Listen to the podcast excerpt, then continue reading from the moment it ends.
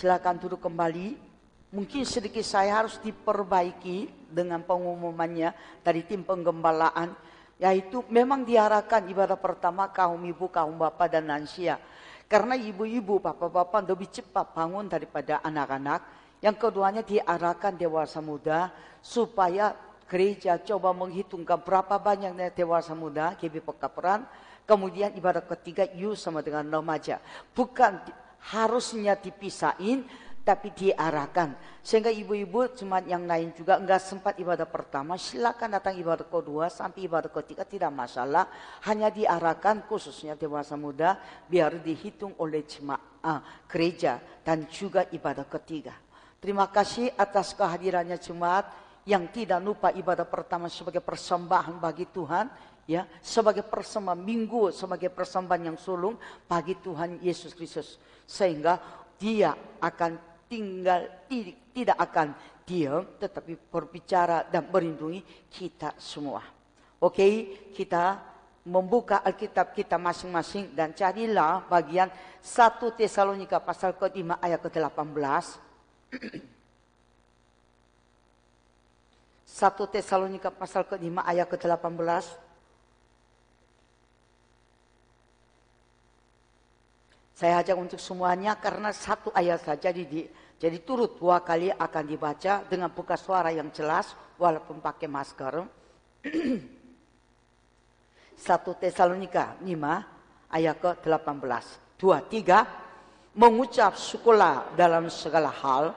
Sebab itulah yang dihendaki Allah di dalam Kristus Yesus bagi kamu. Mengucap syukurlah dalam segala hal. Sebab itulah yang dihendaki Allah di dalam Kristus bagi kamu. Suara yang daripada semak tidak sesuai dengan pikiran saya, bayangan saya. Jadi suaranya sangat kecil. Sekali lagi, buka suara yang sekencang-kencangnya walaupun pakai masker. Dua, tiga, mengucap syukurlah dalam segala hal. Sebab itulah yang dihendaki Allah di dalam Kristus Yesus bagi kamu. Siapa yang punya komitmen pasti buka suara yang keras. Siapa yang rindu diberkati oleh firman ini pada pagi hari ini atau menjelang siang? Pasti buka suara yang kelak, jelas. Ya, siapa yang mau diberkati dalam doanya, pasti suara doanya kencang. Tapi iseng-iseng, ya, tanpa tujuan, tanpa ada sesuatu minat, pasti dibuka suara juga kecil. Kenapa? Perkataan manusia ada kuasa. Tidak daripada manusia ada kuasa matikan dan hidupkan. Nanti kita baca bersama-sama. Makanya orang kita pakai mulut, lidah untuk membacakan firman ini. Sehingga firman ini masuk di dalam jiwa kita. Dipenuhi oleh kuasanya daripada firman itu. Sehingga sampai sampai kepada roh kita. Dicam, di apa jamain oleh firmannya. Sehingga firman ini menjadi kekuatan dalam hidup. Dalam hidup kita semua. Sekali lagi, karena sudah ada uh, mengerti artinya, kenapa buka suara yang kencang. Saya ajak semuanya untuk membaca sekali lagi. Dua, tiga. Mengucap syukurlah dalam segala hal. Sebab itulah yang dihendaki Allah di dalam Kristus Yesus bagi kamu. Ada seorang pendeta heran katanya semuanya di sini. Kenapa heran? Karena ketiga hamba itu menyampaikan firman, tidak ada yang satupun antuk katanya. Betul-betul serius mendengar itu sangat memberkati hamba yang menyampaikan firman kepada semua AKB Pekapra. Ini disiplin. Semat ketiga disuruh oleh siapa pun di atas mimbar untuk bernyanyi bagi Tuhan, untuk membaca firman. Jangan ya begitu-begitu saja, tapi punya sesuatu yang punya tujuannya. Sesuai dengan firman ini saya kasih judul untuk hari ini, yaitu bukan mengapa, tetapi mengucap syukur. Tahun ini adalah tahun penuh dengan tantangan. Baik orang dunia maupun orang Kristen. Yang salah satu yang kita hadapi sepanjang tahun ini, tahun kemarin sampai tahun 2021 dikirain belum ketemu vaksin yang betul yang tanpa efek sampingnya pandemi COVID ini masih ganas dalam hidup kita. Secara terus sengaja mungkin beberapa semati antara GB Pekapuran juga mengalami positif COVID-19 ini. Tetapi puji Tuhan, Tuhan sembuhkan secara total dan sempurna. Tidak ada yang satu pun ya belum sembuh. Sehingga semuanya sembuh. Sekarang dukung dalam doa untuk Pak Reo sama Ibu Sonti dan Olah. Itu cabangnya GB Citra Jaya Kembalanya mengalami sekarang positif sekarang diisolasikan di Hotel Jasmine di daerah uh, Hitung. Jadi tolong dukung dalam doa ketika kita membangun sebab pagi Tuhan, tolong ingatkan nama-nama hamba ini ya supaya sembuh secara total karena dia gembala jadi korban. Jadi supaya segera dibuka ibadah di gereja ya mulai hari ini mereka ibadahnya online dan hamba Tuhan di hotel isolasikan dan juga memimpin ibadahnya. Jadi tolong doakan. Dan juga seluruh jemaat waspada terhadap ini. Tahun ini begitu didugain ya tantangan pandemi COVID ini sehingga rusak ekonominya dan semuanya. Bisa juga kena paling beratnya yaitu gereja-gereja yang belum buka ibadah di gedungnya masing-masing. Sehingga bisa juga iman-iman jemaatnya kondor. Kalau imannya tidak kon tidak kuat pasti kondor karena enak nggak usah ke gereja tidak perlu ongkos naik ojek naik grab dan sebagainya dan tidak perlu ya kasih persembahan dengan alasan umur naik ke gereja tidak tahu dan sebagainya itu membuat alasan makanya itulah cara dari iblis yang Tuhan izinkan. Sehingga orang Kristen orang percaya sedang diuji oleh pandemi covid ini. Makanya kembali lagi ya posisi sebagai orang Kristen yang benar di hadapan Tuhan. Kalau seandainya seperti begitu tantangan tahun tahun baru ini tahun 2021 ini bagaimana kita sikap kita sebagai jemaat GB Pekapran ini terhadap tantangan yang akan yang sedang dan akan yang terjadi dalam kehidupan bisa juga ada yang jadi PHK bisa juga mengurangi gaji dan sebagainya tadi kami sebelum datang berangkat dari rumah isi bensin mobil suami saya di situ ada ada orang semuanya sendiri Sendiri yang mengisi bensinnya. Suami saya turun dari itu tempatnya, kemudian dia bawa ya selangnya, kemudian isi bensin sendiri.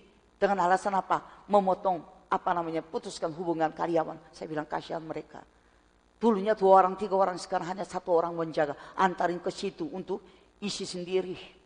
Bayarnya nggak dikurangi, tapi isi sendiri mengurangi karyawan supaya menghemat biayanya. Sangat krisis terjadi. Nah kita semua sebagai jemaat GBP bagaimana menghadapi krisis ini? Apakah punya cara sendiri? Memang begitu orang kaya, orang kaya pun tidak ya punya solusi seperti itu. Orang kaya pun tetap mengatap sama dengan pandemi COVID ini bisa juga meninggal dunia. Satu orang Korea sudah ibu, seorang punya restoran besar di Cikarang. Dalam satu hari sudah ketahuan COVID negatif, kemudian hari besok paginya meninggal dunia sehingga semuanya tuntut. Ada seorang juga yang sekarang kena di Tangerang, tapi tidak kasih tahu siapa.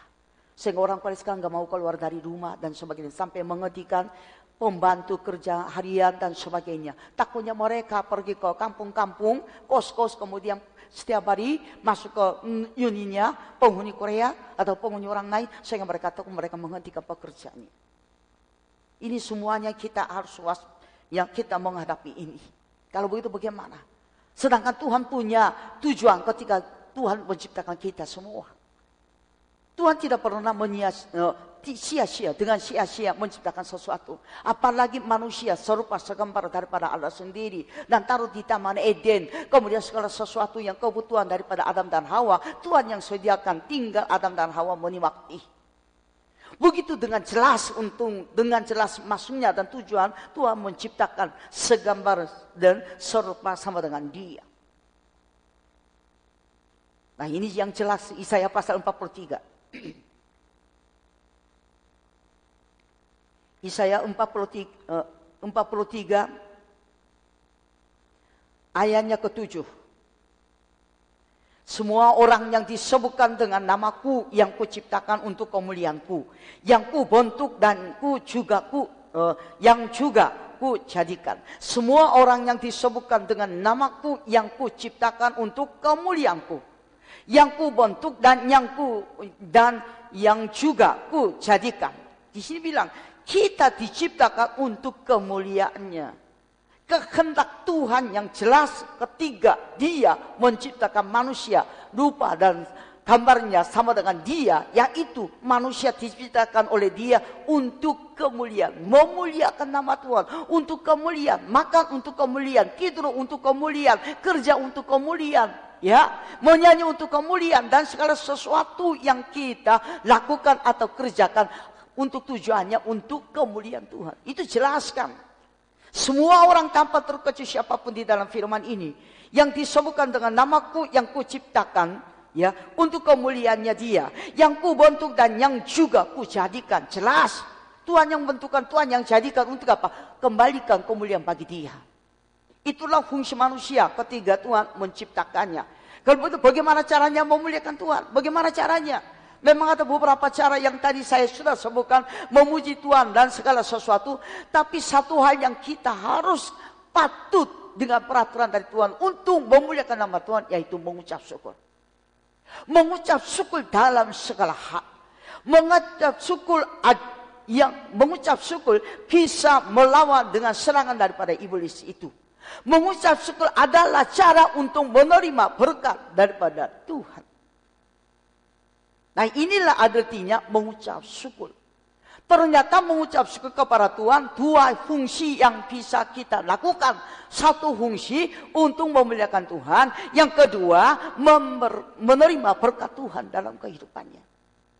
Makanya manusia yang memuliakan Tuhan dengan mengucap syukur tidak rugi dong. Pasti berkati. Karena Tuhan itu yang mau dalam kehidupan kita semua. Dunia tidak akan memberikan kebahagiaan bagi kita semua. Apalagi sekarang dan nantinya semakin dunia tidak akan memberikan atau tidak bisa memberikan kebahagiaan manusia tinggal di bumi ini. Walaupun orang dunia yang belum percaya kepada pun mereka tidak selalu dikasih daripada dunia kebahagiaan dan sukacita, happy dan sebagainya. Malahan dunia begitu menguji ya iman kita. Ini salah satu Tuhan izinkan pandemi COVID ini juga semacam ujian bagi kita semua. Makanya bagaimana ketika kita diuji, sifat kita sama dengan Tuhan apa? Mengucap syukur kepada Tuhan. Bagaimana mengerti sekarang pandemi COVID ini begitu ya mengerikan hidup kita, tapi kita harus mengucap syukur. Itu perbedaannya daripada orang-orang dunia ini yang selalu mengeluh, mencari dan semuanya. Sampai minta-minta perlindungan daripada pemerintah. Pemerintah pun tidak bisa buat apa-apa kalau tidak bisa kerjasama dengan rakyatnya. Pidato terakhir daripada Presiden di Republik Indonesia, Pak, Pak Joko Widodo bilang, ayo kita kerjasama. Ya, perlu dengan pengharapan. Ketika kita bersama-sama kerja, pasti punya pengharapan bagi bangsa Indonesia. Yang pidato isi pidato terakhir tahun 2020 daripada pres, Presiden Republik Indonesia ini. Kalau tidak ada kerja bagaimana? Demikian juga kita tidak kerja sama dengan Tuhan. Ya, dengan cara ya melakukan mengucap syukur dalam segala hal bagaimana hidup kita diberkati karena Tuhan punya sendiri peraturan di dalam firman ini sehingga kalau lepaskan daripada firman ini bagaimana Walaupun seorang sekarang yang luar biasa hebohnya itu pemimpin agama tertentu di Indonesia, tapi dia tidak bisa akan lepaskan undang-undangannya. Karena dia juga seorang manusia yang tinggal di Indonesia ini. Dia harus sepatu sama dengan peraturan-peraturan atau undang-undang pemerintah Indonesia ini. Makanya dia kena sekarang ditahan di polisi. Kita nggak bisa lepaskan ketetapan-ketetapan Tuhan, ya yang Tuhan telah yang memberikan kepada kita semua cara untuk diberkati. Makanya Tuhan izinkan supaya dunia ini semakin menguji iman kita. Mengucap syukur bukan kalimat untuk ketiga kita happy. Tapi mengucap syukur kalimat ini ya dipakai untuk mengharap kedatangan berkat di dalam kehidupan kita semua. Sekali lagi, kalimat ucapan syukur kepada Tuhan bukannya karena ada yang hal yang mengucap syukur kepada Tuhan baru dipakai. Tapi kalimat ini dipakai untuk mendatangkan kebaikan Tuhan dalam kehidupan kita semua. Mendahului mengucap terima kasih kepada Tuhan.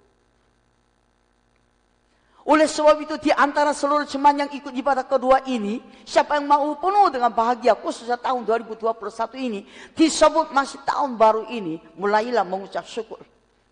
Mungkin satu hari, dua hari, tanggal satu, tanggal dua, dan tanggal tiga. Di antara jemaat mengeluh, mengeluh tentang orang tua, mengeluh tentang anak, mengeluh tentang suami, mengeluh tentang istri, mengeluh tentang, tentang saudaranya. Hari ini bertobat.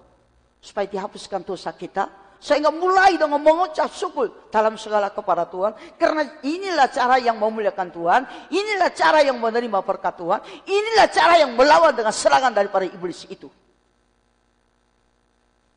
Tidak ada cara lain. Ada seorang yang wanita. Namanya Ofrah Winfrey. Orang hitam. Wanita hitam yang terkenal sebagai penyiar. Terkenal juga keayaannya pakannya yang luar biasa. Yang saya pakai internet kemarin saya minta tolong sama dengan Pak Jeli, Pak Jeli yang kirim mengenai dia. Nanti bisa juga bacain. Saya hanya sebentar baca aja dia siapa. Oprah Winfrey lahir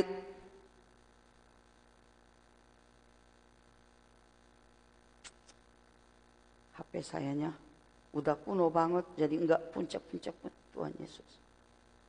Coba. Ya, Oprah Winfrey lahir di kok.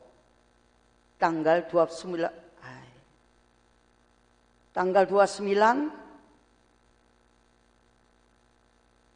sorry, sorry.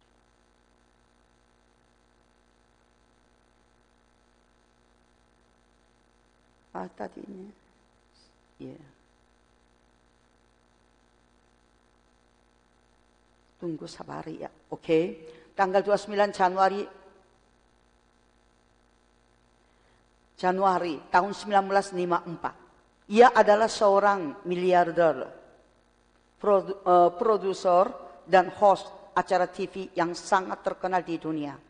Prestasinya sudah ter, tak terhitung lagi termasuk menjadi wanita kulit hitam pertama yang memiliki acara talk show sendiri di TV nasional. Oprah juga adalah wanita kulit hitam pertama yang dianugerahi nominasi penghargaan di ajang ternama seperti Golden Globe and Academy Award atas bakat aktingnya. Pakannya yang tidak terhitung dan juga kemampuannya untuk membawakan acara dengan baik membuatnya dinobatkan sebagai salah satu host nomor satu di dunia hingga saat ini. Ini ada gambar bisa nanti cari. Kenapa saya sebutkan? Seorang ini terkenal terkaya di antara orang wanita kulit hitam di Amerika. Dia dia sama penghargaannya yang dia dapat luar biasa tapi dia natal belangnya begini. Dia adalah anak daripada seorang laki-laki, seorang wanita yang tidak nikah. Belum nikah. Dia nair. Anak kampang di dalam firmannya. Anak kampang ini lahir daripada ia yang tidak nikah. Kemudian dia diasuhin oleh neneknya. Kemudian diasuhin bersama dengan ibunya. Tapi diperkosakan oleh teman laki-laki daripada ibunya Kemudian di situ dia kena sesuatu hamil dan juga anaknya dilahirkan oleh dia usia belas tahun kemudian meninggal dunia. Dia itu narkoba kuat, pecandu narkoba, kemudian minuman keras dan juga rokok dan sebagainya. Dia orangnya luar biasa, ya. Betul-betul tidak bisa dihargai. Tapi dia dibawa oleh papanya kandung yang sudah nikah dengan seorang wanita lain, ibu tiri. Dan di situlah dia dilatih, disiplinkan oleh papa sama dengan ibu tirinya. Dan di situ lama-lamanya singkat ceritanya dia menemukan bakat diri. Kemudian dia begitu. Dia terkenal terkaya dan luar biasa nomor satu orang yang kulit hitam di tengah-tengah Amerika ini. Kenapa saya bicara? Salah satu yang penyebab yang dia menjadi seperti itu karena mengucap syukur kepada dia setiap hari lima hal yang dia tantum di dalam buku tulis mengucap syukur. Dia yang mengucapkan sederhana. Tuhan terima kasih ya matahari tetap terbit pagi saya. Tuhan terima kasih ya itu oksigen udara yang kasih saya nak bernapas. Terima kasih ya Tuhan kasih sepotong kue tawar itu. Kemudian di, ya di apa namanya dikasih apa keju dan sebagainya bisa saya makan. Terima kasih ya Tuhan saya bangun. Terima kasih Tuhan, saya punya mobil. Hanya lima saudara saja setiap hari dia menuliskan lima hal yang dia mengucap syukur. Nah inilah salah satu, bukan salah satu utama yang mengubahkan kehidupan dia. Orang yang tidak dihargai manusia, tapi menjadi orang yang luar biasa di Amerika. Itu seperti yang gambar ini. Usia sekarang beda dengan saya tiga tahun. Dia enam tujuh usianya. Sudah tua, tapi tidak bisa hitung kekayaannya uang. Tidak bisa hitung semuanya penghargaan yang dia dapat daripada dunia ini. Bidang sebagai penyiar dan sebagainya. Mengucap syukur. Makanya dia bicara pernah bicara begini. Ya. Mengucap syukur. Ya. Yang ucapkan dalam satu hal atau hal yang sepele pun menjadi kuasa untuk mengubahkan kehidupan seseorang.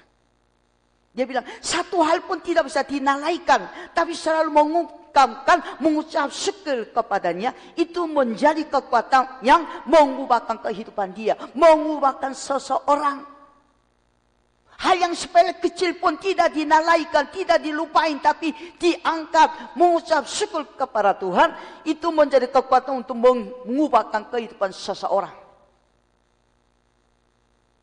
Betapanya kuasa mengucap syukur.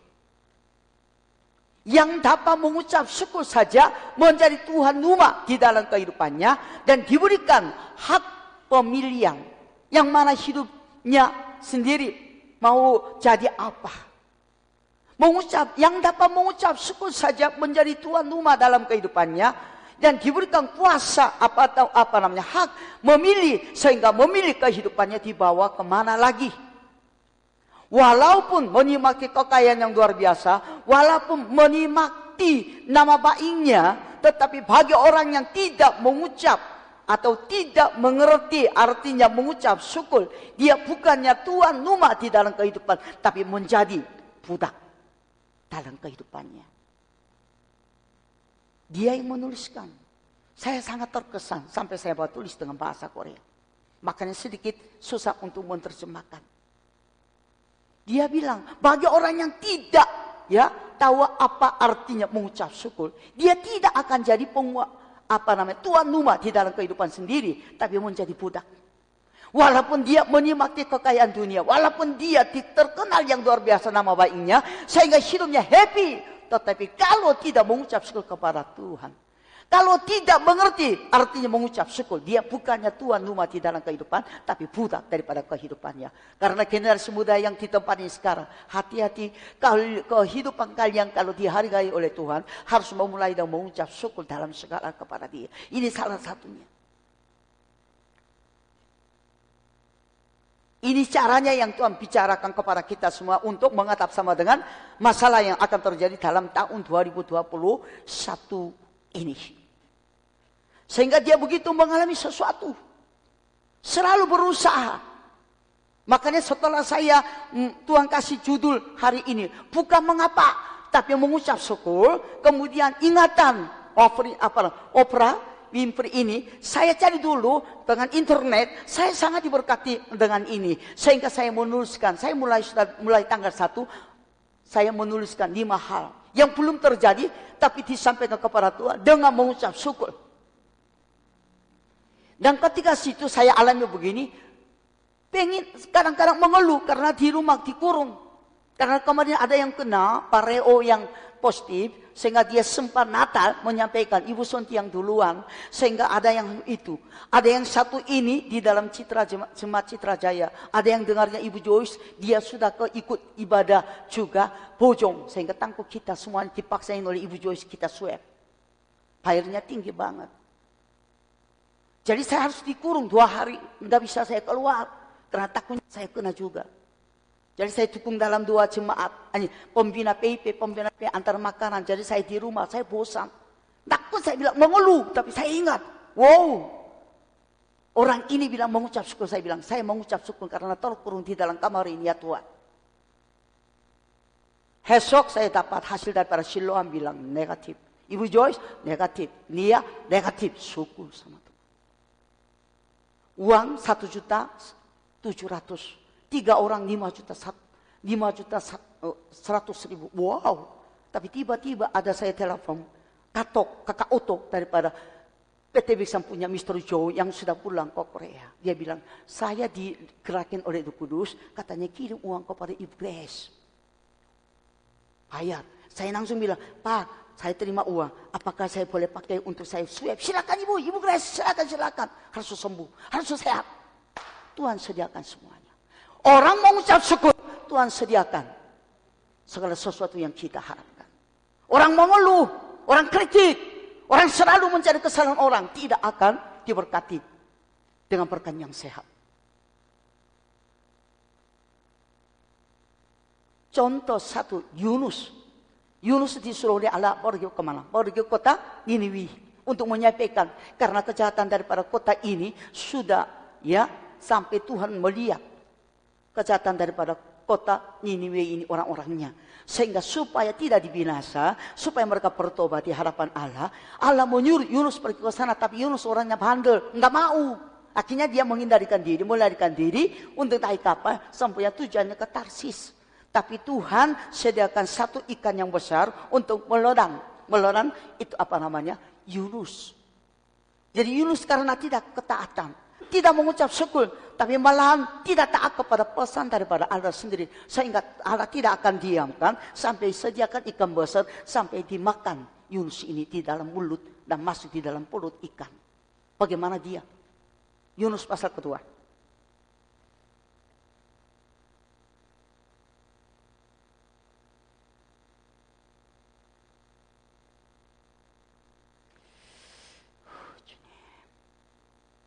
Yunus pasal kedua. Ya, saya cepat-cepat karena ini penting sekali sehingga walaupun sedikit panjang harus dibacanya. Pasal kedua ayat 1 sampai dengan 10.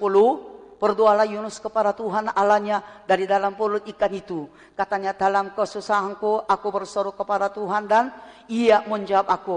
Dari tengah-tengah dunia orang mati aku berteriak dan kau dengarkan suaraku. Telah ku lemparkan aku ke tempat yang dalam ke pusat lautan. Lalu aku terang, terangkum oleh arus air. Segala gelora dan gelombangmu melingkupi aku. Dan aku berkata, telah terusir aku dari hadapan matamu. Mungkinkah aku memandang lagi baikmu yang kudus? Segala air telah mengapung aku.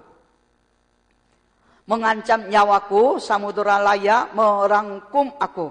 Numut lautan membelik kepalaku. Di dasar gunung-gunung aku tenggelam ke dasar bumi. Pintulah terpalang di belakangku untuk selama-lamanya. Ketika itulah engkau naikkan nyawaku dari dalam liang kubur, ya Tuhan Allahku. Ketika jiwaku lotirosu di dalam aku, teringatlah aku kepada Tuhan. Dan sampailah tuaku kepadamu ke dalam baikmu yang kudus mereka yang berpegang teguh pada perhala, perhala kesia-siaan. Mereka lah yang meninggalkan dia, yang mengasihi mereka dengan setia. Nah, tetapi aku, dia bela bela bela bela bela, bela kondisi, kondisi yang dia sedang alami, saya sampaikan kepada Tuhan sampai sebuah orang yang tidak sama dengan Tuhan. Kemudian ayat ke-9 dia katakan mulai dengan tetapi aku. Dengan apa? Dengan apa? Ucapan syukur akan ku persembahkan korban kepadamu, apa yang ku nasarkan akan ku bayar. Keselamatan adalah dari Tuhan. Lalu berfirmanlah Tuhan kepada ikan itu dan ikan itu pun memutakan Yunus ke darat. Betapanya dosa dia ketidaktaatan kepada perintah Tuhan untuk bertobat kota Niniwe. Tetapi karena itu dia masuk lemparkan ke dalam urut ikan itu. Tapi dia mengucap terima kasih kepada, mengucap syukur. Setelah dia mengucap syukur, Tuhan berfirman kepada ikan itu sehingga ikan memuntahkan tubuh Yunus untuk ke darat. Ucapan syukur, cara untuk melawan dengan serangan daripada iblis itu. Ketika kita bertobat dan mengucap syukur kepada Tuhan, serangan apa saja daripada, daripada setan atau iblis pun bisa dihentikan oleh daripada Allah sendiri. Makanya ucapan syukur adalah yang bisa minta tapak pengampunan daripada Allah sendiri. Sebagai contoh lagi di dalam kejadian. Adam mempunyai dua anak laki-laki. Satu namanya Kain dan juga namanya adingnya yaitu Habel. Mereka saudara. Adingnya apa nama? Kainnya kakak, Habel ya adik. Tetapi karena masalah persembahan korban kepada Tuhan, sehingga di situ terjadi itu pembunuhan. Adam yang sudah bersalah di hadapan Tuhan, membuat dosa di hadapan Tuhan, mempunyai anak yang sulung menjadi pembunuh terhadap adiknya yang dibunuh. Itu celaka besar malah PTK besar, kutuk yang besar dalam kehidupan Adam dan Hawa. Nah, karena apa? Karena cemburu. Bukannya Kain mengucap syukur atasnya persembahan yang dia itu sampaikan kepada Tuhan. Tapi justru mengeluh ide hati sama dengan adiknya. Sehingga timbullah dan terjadilah pembunuhan. Timbullah ide hati terjadilah pemburuan. Kejadian pasal keempat. Ayat 6 sampai 8.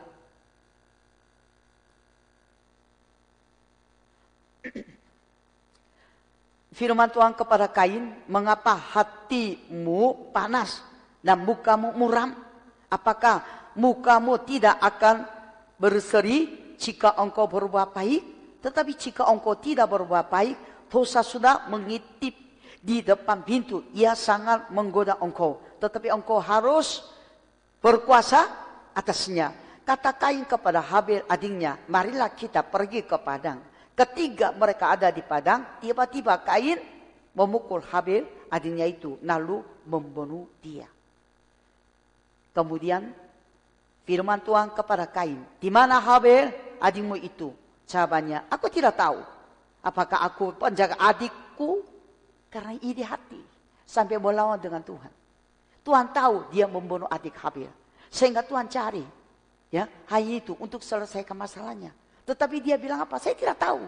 Memang saya penjaga adik. Dia melawan sama dengan Tuhan. Punya ide hati melawan sama dengan Tuhan. Tapi mau punya hati yang mengucap syukur dalam segala hal kepada dia akan diberkati. Dalam segala hal juga. Sampai ayat ke-12. Terjadilah kain itu sebenarnya petani Apabila engkau mengusahakan tanah itu, maka tanah itu tidak akan memberikan hasil separuhnya lagi kepadamu. Engkau menjadi seorang pelarian dan pengembara di bumi. Sebenarnya dia petani. Tetapi kalau setelah dia pem, ya membunuh adiknya, tanahnya sudah dikutuk. Sehingga walaupun dia berusaha sesuatu untuk mendapat hasil daripada tanah itu, hasil tanah itu tidak akan sepenuhnya bagi Kain. Justru Kain penggembara pelarian diri. Petani menjadi penggembara. Penggembara tidak punya sesuatu yang mereka memiliki yang menetap. Untuk tinggal atau menghasilkan sesuatu daripada tanah dan atau dalam pekerjaannya. Itu penggembara tidak punya atas nama sendiri. Penggembara hari ini di sini, hari esoknya sana. Tidak menentukan yang dalam kehidupan sesuatu. Ketentuannya tidak ada. Itulah namanya penggembara. Orang tidak mengucap syukur kepada Tuhan. Tidak ada ketentuan daripada Tuhan dalam kehidupannya. Dengan berkat yang luar biasa. Justru ditunggu oleh celah. Petani menjadi penggembara. Itu coba kita bicara. Orangnya harusnya diberkati. Tetapi orang yang tidak diberkati. Ya. Itu kita harus perlu sekali. Karena bagi orang yang mengucap syukur. Tuhan janjikan yang berkat yang luar biasa. Persembahan uh, mengucap syukur kepada Tuhan adalah persembahan korban. Harus ada korban. Seperti Habel mempersembahkan korban. Dia harus sembeli satu ekor domba untuk persembahan bagi Tuhan. Jadi mengucap syukur itu artinya korban. Walaupun merasa sakit, tetapi mengucap syukur. Walaupun sakit tubuhnya, mengucap syukur. Walaupun merasa rugi dengan tipuan daripada temannya, mengucap syukur. Walaupun ditindas oleh orang lain pun, mengucap syukur. Itu adalah korban hatinya. Kalau tidak mau korban hatinya tidak bisa mengucap syukur kepada Tuhan. Kalau mengucap syukur bukan hanya waktu yang baik, tapi waktu yang buruk pun yang kita harus mengucap syukur itu cara yang paling unggul untuk menghadapi dengan masalah yang kita hadapi supaya masalah yang kita hadapi menjadi berkah yang luar biasa dalam kehidupan kita semua. Mengucap syukur sebuah atau payung yang besar ketika hujan deras turun membasuh bumi ini ketika hujan yang deras membasuh tubuh kita, badan kita, bagaimana caranya? Pakai payung. Sesuai ukurannya lebih ukuran daripada oh, payungnya lebih besar ukurannya daripada ukuran tubuh manusia ini yang pakai payung itu bisa menghindari pada deras hujan derasnya. Demikian juga kita kita menghadapi masalah yang kita hadapi, bagaimana kita menyelesaikan mencegah masalah yang kita hadapi, tapi diganti dengan jadi berkat, yaitu mengucap syukur dalam segala hal mengucap syukur dalam segala hal. Itu semacam payung untuk menghindari pada ya basaan daripada hujan deras itu. Semakin kita sulit dalam kehidupan seperti tahun ini mengucap syukur kepada Tuhan. Tuhan adil. Ada yang juga ya tidak maju, tetapi ada yang juga diberkati. Orang-orang buka toko susah, tapi sekarang online lumayan hasilnya. Tuhan adil, ada yang diberkati, ada yang tidak diberkati. Tapi nanti diganti dengan mengucap syukur, ada yang tidak diberkati menjadi diberkati. Bisa mengubahkan kehidupannya nasibnya dengan hal yang kita lakukan mengucap syukur kepada Tuhan. Filipi pasal keempat. Ayat keenam. Janganlah hendaknya kamu khawatir tentang apa pun juga tetapi nyatakanlah dalam segala hal keinginanmu kepada Allah dalam doa dan permohonan dengan apa? Permohonan dengan apa? Ucapan syukur. Apa yang kita doakan sama dengan Tuhan dalamnya mengucap syukur. Kita sekarang hidup kita pada masa akhir zaman sudah masuk di dalam masa wahyu yang paling belakang di dalam Alkitab 66 kitab suci ini. Sehingga masa ini tidak akan memberikan yang seperti tadi bicarakan. Dunia tidak akan memberikan kebahagiaan bagi kita. Tidak akan memberikan happy bagi kita semua. Kalau seandainya kita saat happy kemudian baru mengucap syukur. Kita tidak akan sempat mengucap syukur karena dunia tidak akan kasih untuk kita semua supaya mengucap syukur kepada Tuhan. Justru dunia menguji kita semua. Makanya mendahului kita mengucap syukur dalam segala hal. Itulah kehendak Tuhan dalam kehidupan. Supaya kita diberkati dengan omongan, ucapan daripada lidah kita semua. Lidah kita ada kuasanya sampai mematikan, menghidupkan. Amsal pasal 18.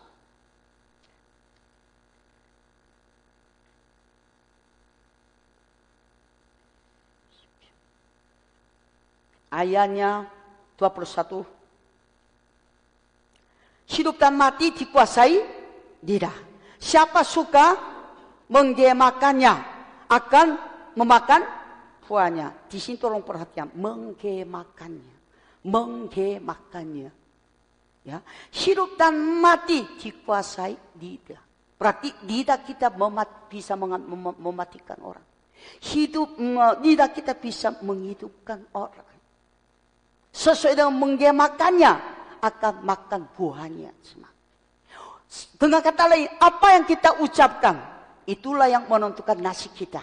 Siapa yang mengucap syukur dalam segala hal akan diberkati oleh Tuhan. Tapi siapa yang mengeluh, mengapa, mengapa, ini kata tan, menantang. Mengapa, mengapa, mengapa. Itu kan mematikan kehidupan. Sehingga kehidupan tidak diberkati oleh Tuhan. Karena Tuhan mendengar perkataan daripada diri kita yang kuasa mematikan dan menghidupkan. Bilangan pasal ke-14.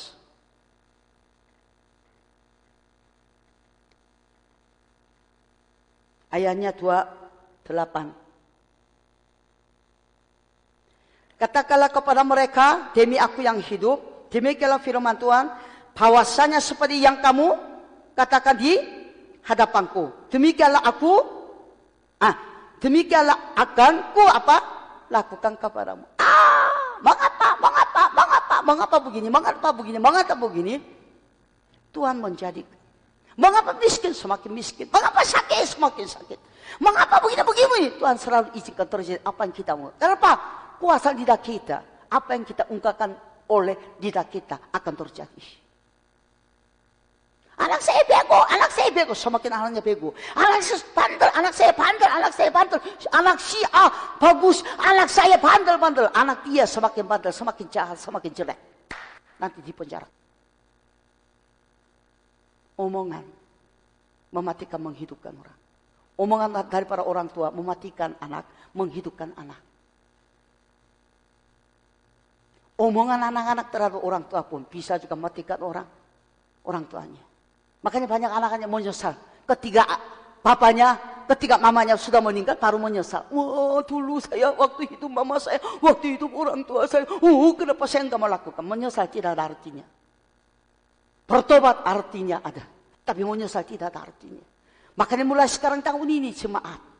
Tidak boleh mengungkapkan sesuatu mematikan orang tua, mematikan anak, mematikan suami, mematikan istri. Setuju katakan amin.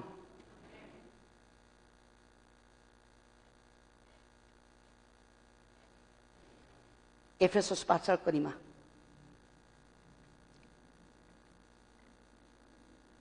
Efesus pasal kelima. Ayat 20. Ucapan syukur senantiasa atas segala sesuatu. Dalam nama Tuhan kita, Yesus Kristus kepada Allah dan Papa kita. Ucapan syukur senantiasa. Bukannya pada waktu yang tertentu, tapi senantiasa. Tanpa batas waktunya masuknya. Atas segala sesuatu. Atasnya apa? Segala sesuatu. Sampai sepele. Dalam nama Tuhan kita, Yesus Kristus kepada Allah dan Papa kita. Orang-orang yang mengucap syukur kepada Tuhan semakin diberkati. Tapi orang yang mengeluh dengan keluhannya akan mengeringkan hidupnya. Jadi hidupnya menjadi kering.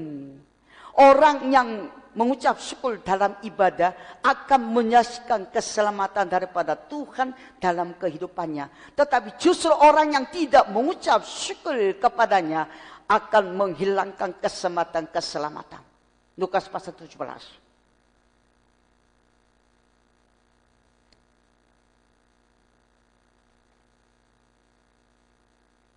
Ayatnya 15 sampai 19. Seorang dari mereka ketika melihat bahwa ia telah sembuh, kembali sambil memuliakan Allah dengan suara nyari. Lalu tersungkur di depan kaki Yesus dan mengucap syukur kepadanya. Orang itu adalah orang Samaria.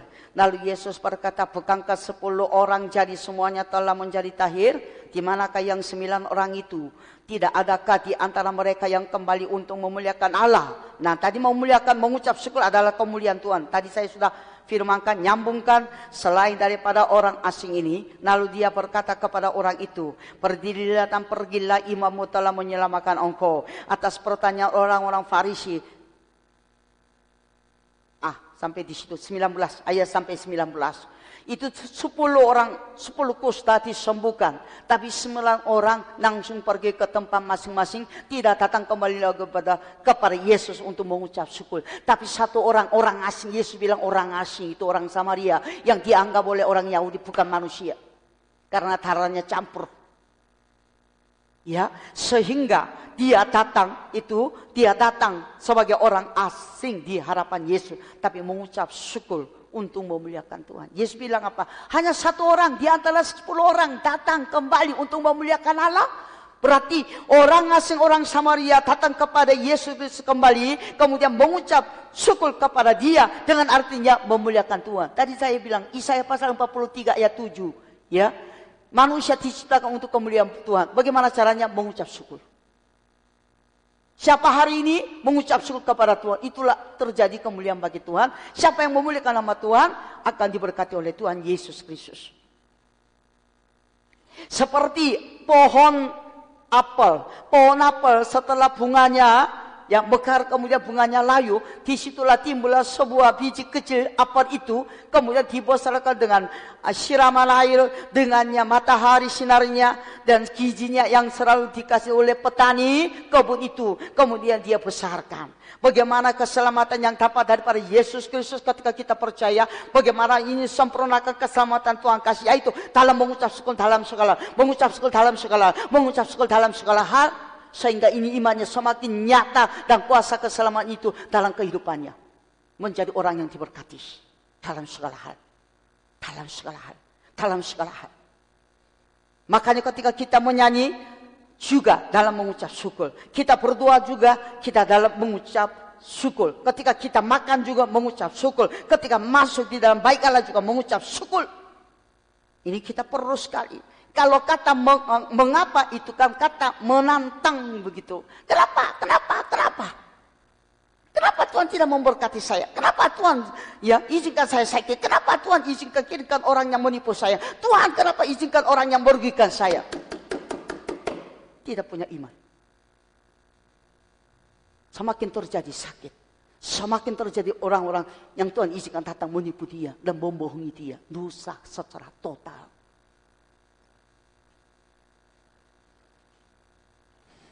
Semat hati-hati mulai tahun ini. Tutup mulut untuk mengeluh dan mengapa. Tapi mengucap syukur. Kata mengucap syukur bagi orang merendahkan diri di hadapan Tuhan. Saya tidak pernah menipu, tapi bilang tidak pernah merugikan orang, tapi dia nggak boleh orang lain. Wah, ibu Grace semua merugikan orang. Saya bisa menentang. Kenapa ya bicara begitu? Buktinya begini, begini saya bisa bicara, tapi saya mengucap syukur dihina. Saya menjadi orang yang menipu orang. Biarlah Tuhan saya tidak menipu jemaahnya dalam firmannya. Segala sesuatu bisa mengucap syukur. Dan juga mengucap syukur kepada Tuhan bukan hanya omongan.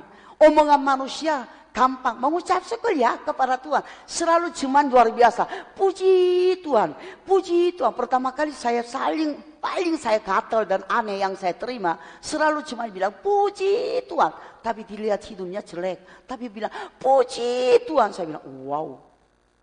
Saya susah untuk puji Tuhan. Karena apa? Saya selalu bayangkan hidup saya di hadapan Tuhan. Bagus atau tidak bagus. Saya nggak merasa tidak bagus. Saya dibilang tidak bisa puji Tuhan. Merasa nggak orang kudus. Kan gampang kan? Puji Tuhan, puji Tuhan, puji Tuhan. Gampang. Tapi kalau tidak tidak ada ekspresi, tidak ada tanda mengucap syukur, itu kan bisa juga jadi omong kosong. Hanya omongan kan orang bisa begini. Saya tidak suka dengan orang ini, tapi mulutnya bilang, saya suka ya Yusuf ya. Hati Tuhan yang tahu. Tapi betul-betul saya ada sebuah foto. Ini cinta sama dengan dia. Bisa saya misalkan suka kalau saya suka. Ada tandanya. Saya mau kasih sama dia. Karena suka sama dengan dia. Atau mengasihi sebagai cuma. Saya kasih. Cinta. Tanda. Tapi saya bilang, Yusuf, aku cinta ya. Hanya mulut, talim hati. Ih. Pandai tak bisa, bisa. Pernah Ibu Grace melakukan? Lakukan. Saya jujur bicara. Cuma tidak tahu hati saya. Tuhan tahu. Saya tidak mau dinilai, dinilai oleh cuma. Tapi saya mau dinilai oleh Tuhan. Makanya semakin saya bertobat di harapan Tuhan. Pendeta pun begitu. Tanda. Itu yang sangat begitu. Kalau istri suami istri, aku cinta padamu, tapi nggak pernah beli satu kecil kosmetik juga. Itu bagaimana cintanya dari mana? Saya cinta dengan suami, nggak pernah beli kaos kaki untuk suami. Hanya mulut aja cinta, cinta, cinta, cinta. Itu namanya cinta monyet. Jangan kita cinta monyet sama dengan Tuhan. Itu palsu di harapan Tuhan. Makanya hari ini saya kasih PL untuk semua AKB Pekapuran sepanjang tahun ini. Satu, boleh catat. Setiap hari menuliskan di dalam buku tulis hal-hal yang dimohonkan kepada Tuhan dalam mengucap syukur. Lima hal yang mau didoakan disampaikan kepada Tuhan dengan mengucap syukur.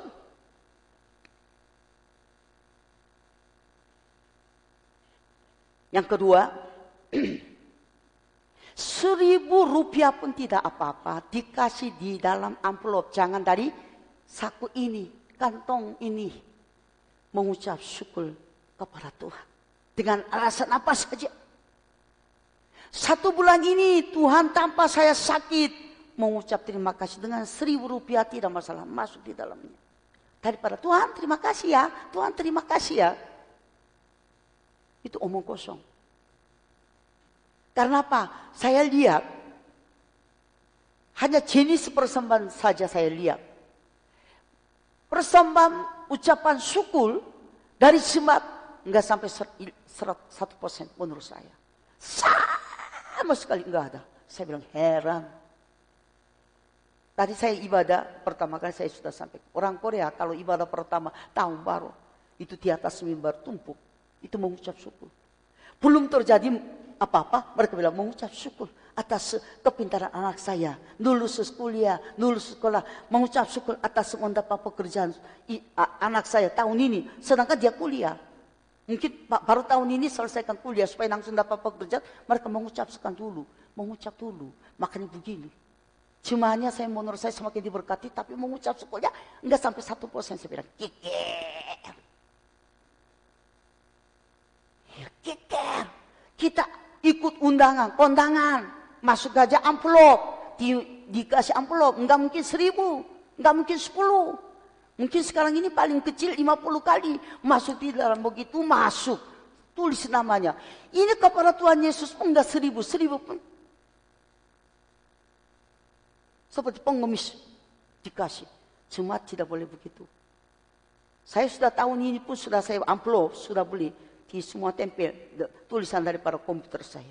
Persembahan mingguan, persembahan ucapan syukur, persembahan diakonia, persembahan apa namanya, perpuluhan. Semua perpuluhan nggak pernah ada sekarang 8 tahun, tapi tetap ada perpuluhannya. Kemudian saya masuk. Tidak pernah. Kemarin kondangan, RT Bojong, adingnya nikah, kondangannya ada. Kemudian di sekitar gerejanya ada cuma diundang pergi, mereka ditanya, Grace-mu di mana katanya? Grace-mu di mana katanya? Saya tahu dia gedenya amplop saya. Bukan suka saya, saya selalu menentang sama dengan dia. Tapi saya pergi. Ya. Tapi pakai, pakai amplop. Semua cuma hanya begini-begini masuk kata kotak. Saya pakai atas nama KB Bojong Kamal selama pernikahan. Dan pernikahan ini menjadi diberkati dengan alasan KB Bojong amplop saya masuk. Dia sampai enggak bisa masuk. Amplopnya besar, bukannya isinya tebal. Lubangnya kotak gitu kecil. Jadi saya bingung. Pak, ke mana ini? Terima Ibu Res. Jadi terima. Besar kan? Enggak bisa lipat. Isinya berapapun. Yang penting bagus itu. Terima orangnya senang. Enggak sampai masuk kotak. Dia bilang begini. Ibu Res yang bawa. Ini cumanya kepada Tuhan aja Tidak boleh sebenarnya. Makanya persembahan kadang-kadang penghitung persembahan. Bukan karena persembahannya banyak. Makan waktu lama. Tapi karena lepas. Lepas ini seribu punya. Untung puji Tuhan. Enggak, sekarang jarang ada seribu. Dua ribu ada paling sedikit. Dulunya waktu kasalam di sana. Seribu punya. Enggak apa-apa seribu ini marah pekupe pun. Yang penting dulu slow. Keringatan dari tangan semua. Cuma tidak boleh. Sekarang harus tingkat kualitas cuma imannya. 1500 pun gak apa. Kopi masuk amplop kecil. Pun, pun tidak apa-apa. Hati mengucap syukur kepada Tuhan. Ada yang seorang orang Korea, dia nggak ada waktu, dia kesaksian, nggak ada uang. Tapi mau memberikan mengucap syukur persembahan pujiannya. Eh, persembahan mengucap syukur, tapi nggak ada uangnya. Dia langsung amplopnya kosong tuliskan atas nama dia. Mengucap persembahan mengucap syukur. Berapa? 10 juta. Terus per bawah kotak atas ke kantor, kemudian dibuka oleh penghitung gereja Korea. Kosong, mereka marah. Panggil dia, masa kosong? Kosong, janganlah, dia bilang. Itu iman saya. Dalam satu bulan dia dapat 10 juta, langsung memberi. Berketopuk tangan. Dia bilang, saya diberkati. Karena sebelum saya bayangan saja Tuhan terima. Jadi saya bisa memberikan 10 juta untuk mengucap syukur kepada Tuhan. Jemaat harus mengerti. Satu harus menuliskan lima hal yang didoakan dengan mengucap syukur. Yang kedua, sebulan sekali. Seribu pun tidak apa-apa, dia amplokin dengan atas sama persembahan mengucap syukur atas berkat yang Tuhan kasih bulan depan bela bela bela bela tulis silakan. Kemudian kepada Tuhan lewat KBI Pekaperan KBI Pekaperan tidak makan persembahan. KBI Pekaperan memakai persembahan untuk Tuhan sampai jadi berkat bagi hamba Tuhan di tempat ini. Ya. Jadi yang seperti tadi terlibat dalam gerakan kasih. Yang satu ya paling sedikit 3.000 sampai 15 saya naikin 5.000 sampai 20 kalau enggak bisa Parawati 3.000 tidak masalah. Amplop ini gerakan kasih. Sehingga kumpul uang berapa nanti pulih kebutuhan orang susah.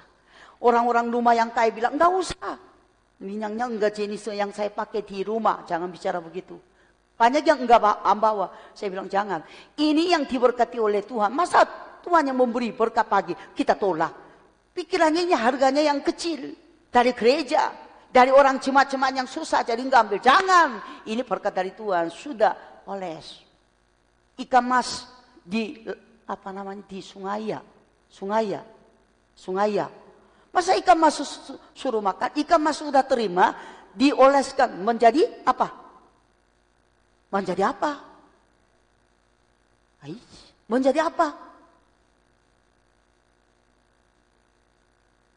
Arsikan Persembahan yang kecil, bawa ke gereja. Itu bukan persembahan lagi. Kalau dibagi orang lain, itu menerima berkat dari para Tuhan.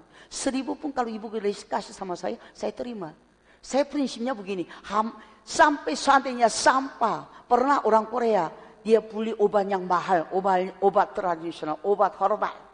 Pada saat sekitar 15 tahun yang lalu dia beli dengan 3 juta.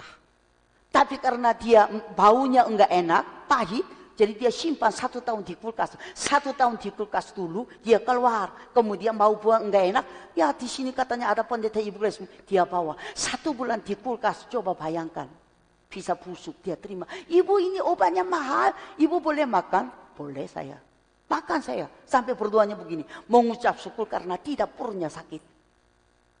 Satu tahun punya di rumah kulkas pun dia kasih Suruh saya minum, saya minum. Dengan apa? Mengucap syukur tidak perlu sakit karena setahun di kulkas cobalah.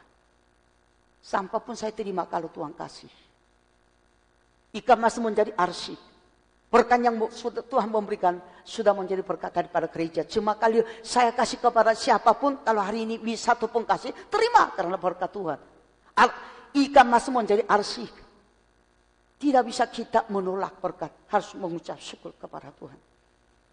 Nah minggu pertama harus bawa. Tadi sampai anak kecil diajarin dong yang memberi. Jangan hanya diberi.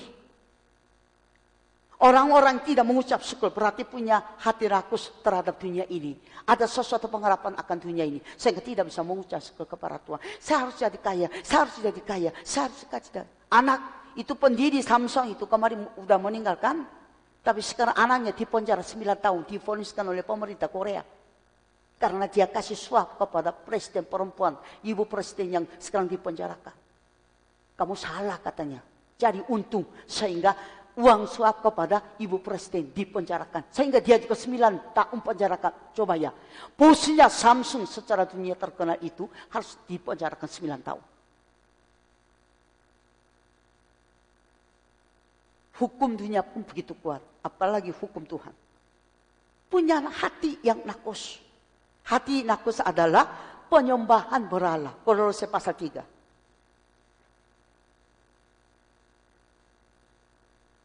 Kolose pasal 3. Ayatnya ke 5. Karena itu, matikanlah dalam dirimu segala sesuatu yang duniawi, yaitu percabulan, kenajisan, hawa nafsu, dan nafsu jahat, dan juga keserakan yang sama dengan penyembahan berhala. Keserakaan hati yang nakus adalah sama saja sama dengan penyembahan berhala. Berarti mempunyai sesuatu pengharapan akan dunia ini. Sehingga jiwa seperti mereka akan dijual juga oleh dunia. Wahyu pasal 18. Maksudnya tidak ada pengharapan bagi orang yang punya pengharapan akan dunia ini. Tapi pengharapan di dalam Tuhan dengan caranya mengucap syukur dalam segala hal. Wahyu pasal 18 ayatnya 10 sampai 13. Mereka akan berdiri jauh-jauh karena takut akan siksanya. Dan mereka akan berkata, celaka-celaka engkau hai kota yang besar, Babel hai kota yang kuat. Sebab dalam satu jam saja sudah berlangsung penghakimanmu. Dan eh, pedagang-pedagang di bumi menangis dan berkabung karena dia sebab tidak ada orang lagi yang membeli barang-barang mereka. Yaitu barang-barang dengan dari emas dan perak, permata dan mutiara, dari lenah lus dan kain ungu, dari sutera dan kain kimisi, dan pelbagai pelbagai jenis barang dari kayu yang harum baunya, pelbagai jenis barang dari gading, pelbagai jenis barang dari kayu yang mahal, dari tembaga, besi dan pu alam. Kulit manis dan lembah-lembah, wangi-wangian mur dan kemayan anggur, minyak, tepung halus dan gandum, lembu sapi, domba, kuda dan kereta, budak dan bahkan nyawa manusia. Itu yang penting. Orang punya hati terhadap dunia ini akan juga nyawanya dijual, enggak sempat. Makanya orang-orang dunia yang mengeluh, justru orang Kristen menyelesaikan masalah yang kita hadapi dalam mengucap syukur kepada Tuhan.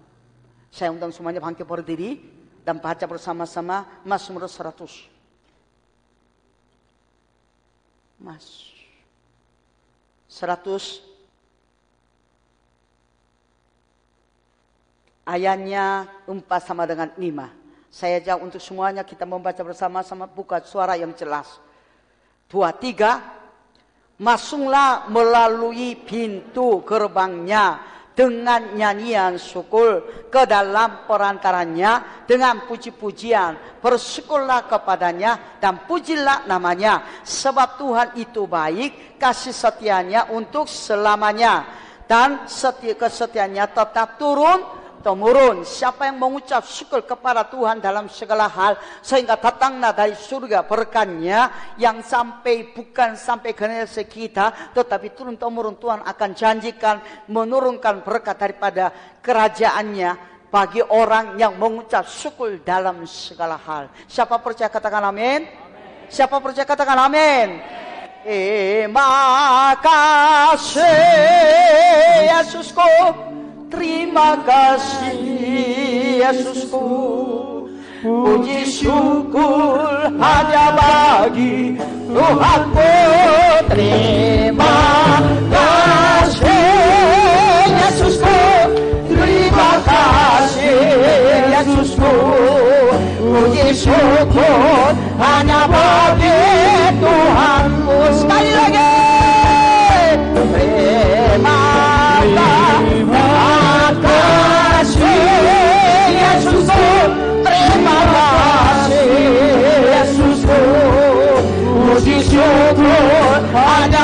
bagi Tuhanku terima kasih Yesusku terima kasih Yesusku puji syukur hanya bagi